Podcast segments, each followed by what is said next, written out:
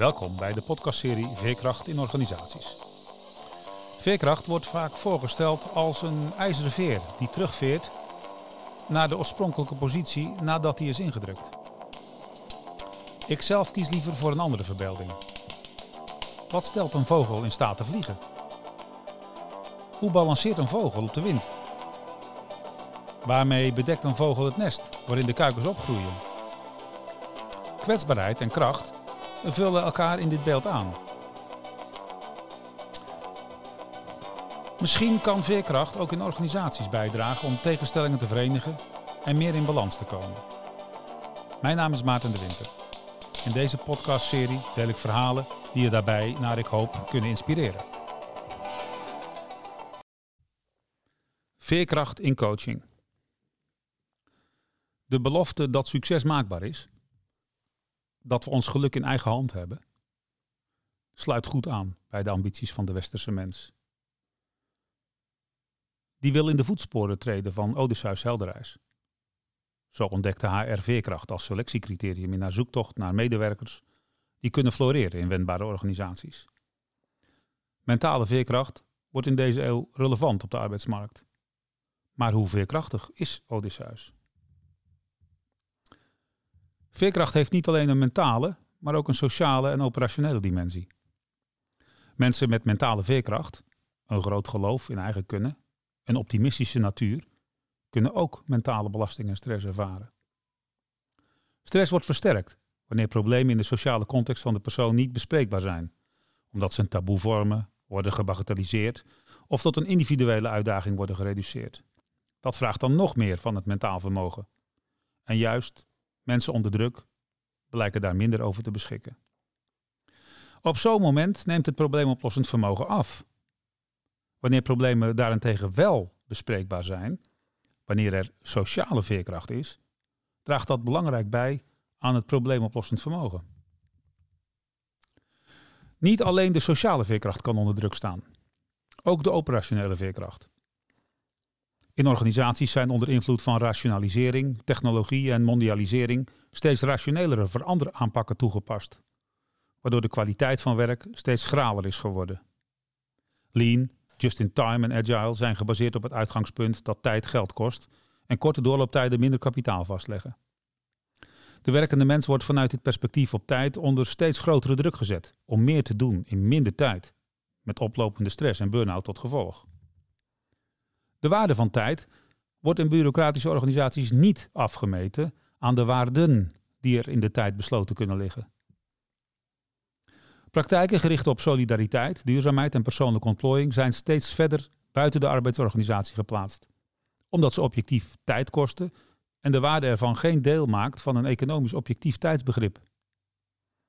Voor wat eerst binnen een systeem kon worden opgelost, moet nu een beroep buiten het systeem worden gedaan. Dat blijkt vervolgens vaak een illusie. Een woud van regels en voorwaarden belemmert dat de noodzakelijke steun daadwerkelijk komt, behalve als je bankier bent. Zo zijn zowel de operationele als de sociale veerkracht in de zorg, het onderwijs, bij overheden, in multinationals en op universiteiten uitgehold.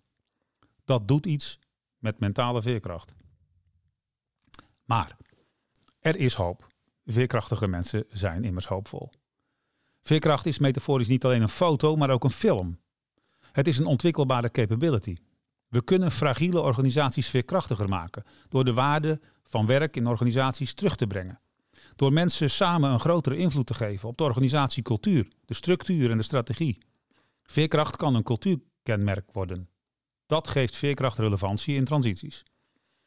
Wat kun je daar als coach mee? Het begrip beleving is niet nieuw, maar het belang van het insluiten van een positieve beleving is in alle sectoren groter geworden. Laat ik een voorbeeld noemen. Een arts voert een diagnose-behandelcombinatie uit. Dat is een rationele combinatie van inhoud en proces. Bij de genezing speelt de patiënt echter een belangrijke rol. Denk aan therapietrouw. Hoe de patiënt die rol vervult heeft te maken met zijn of haar beleving. Een niet-rationeel vermogen. De beleving betreft niet alleen de patiënt, maar ook de omgeving van de patiënt. Wanneer de patiënt bijvoorbeeld door zijn of haar partner vriendelijk wordt herinnerd aan de medicatie, dan heeft dat een positieve invloed op het herstel. En dat is dan weer heel erg logisch. De arts speelt nu een belangrijke rol in die integrale behandeling en kan door het luisteren en vragen stellen kwaliteit aan de relatie en daarmee aan de genezing van de patiënt toevoegen. Het klinkt zo logisch en dat is het ook. Of het nu om loopbaancoaching gaat of om het werken aan verbeteren van de kwaliteit in teams of in organisaties. Voor ontwikkeling van veerkracht is integraal werken, dat wil zeggen inhoud, proces en beleving als geheel beschouwen, een cruciale stap. Juist vanuit dit perspectief blijkt veerkracht een zichzelf versterkend proces op gang te brengen.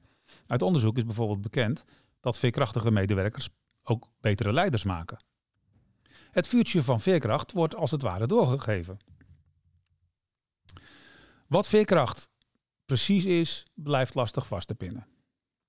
Toch is er wel consensus dat veerkracht een combinatie is van realiteitszin, aandacht en hoop. De realiteitszin bestaat erin, de casus van de patiënt uh, uit, de ziekte onder ogen te zien. En in de casus van de organisatiekunde om de effecten van rationalisering onder ogen te zien.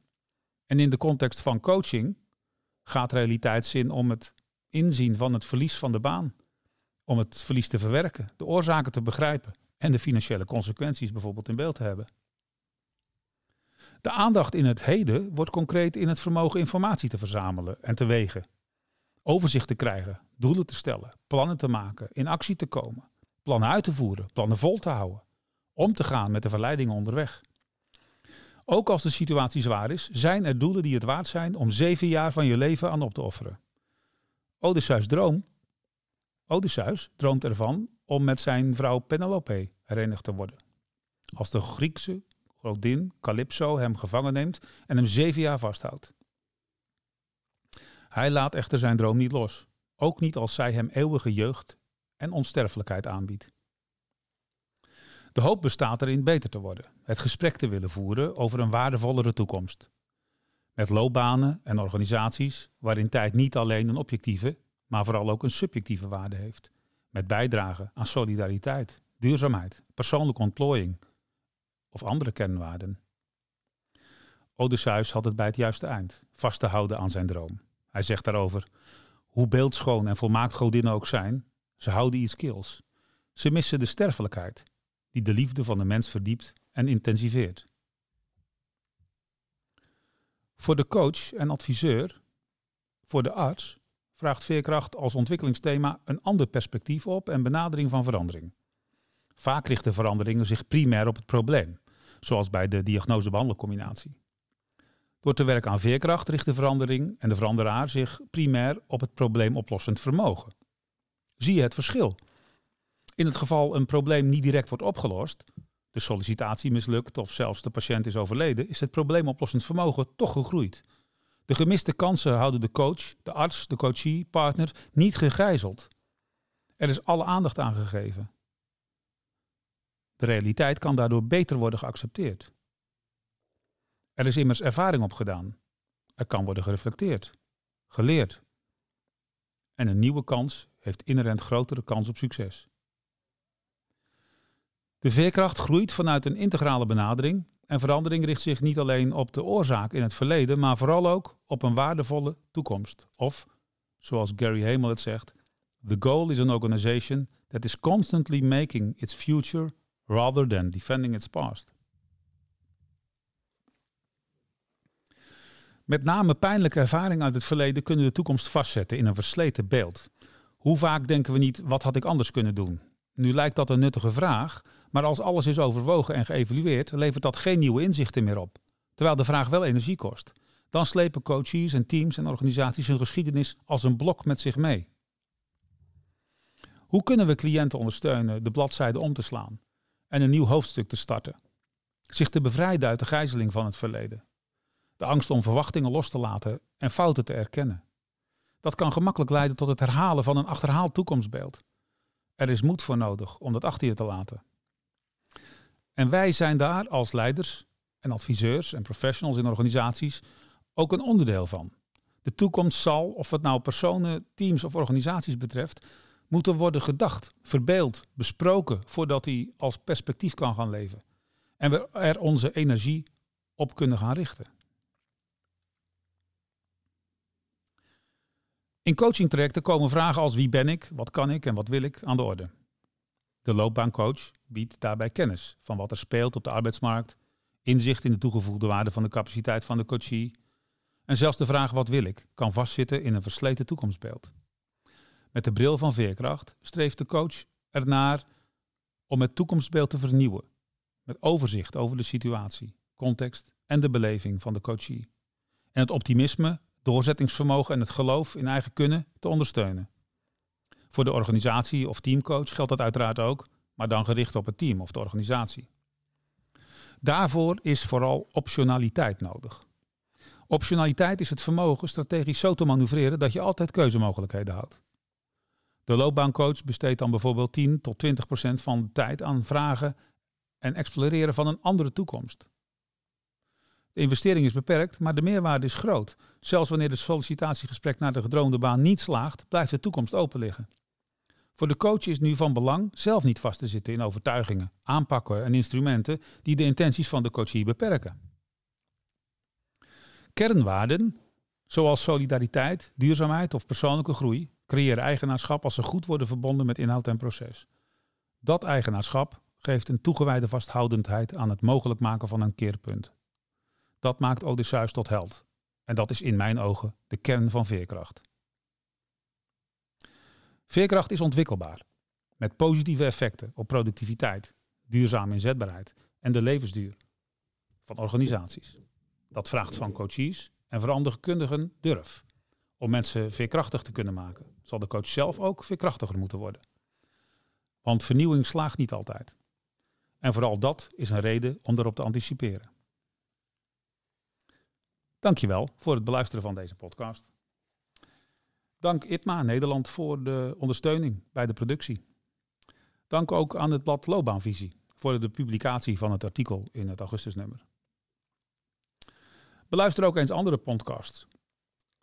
Heb je belangstelling voor meer informatie? Schrijf je dan in bij de LinkedIn-groep Veerkracht in Organisaties.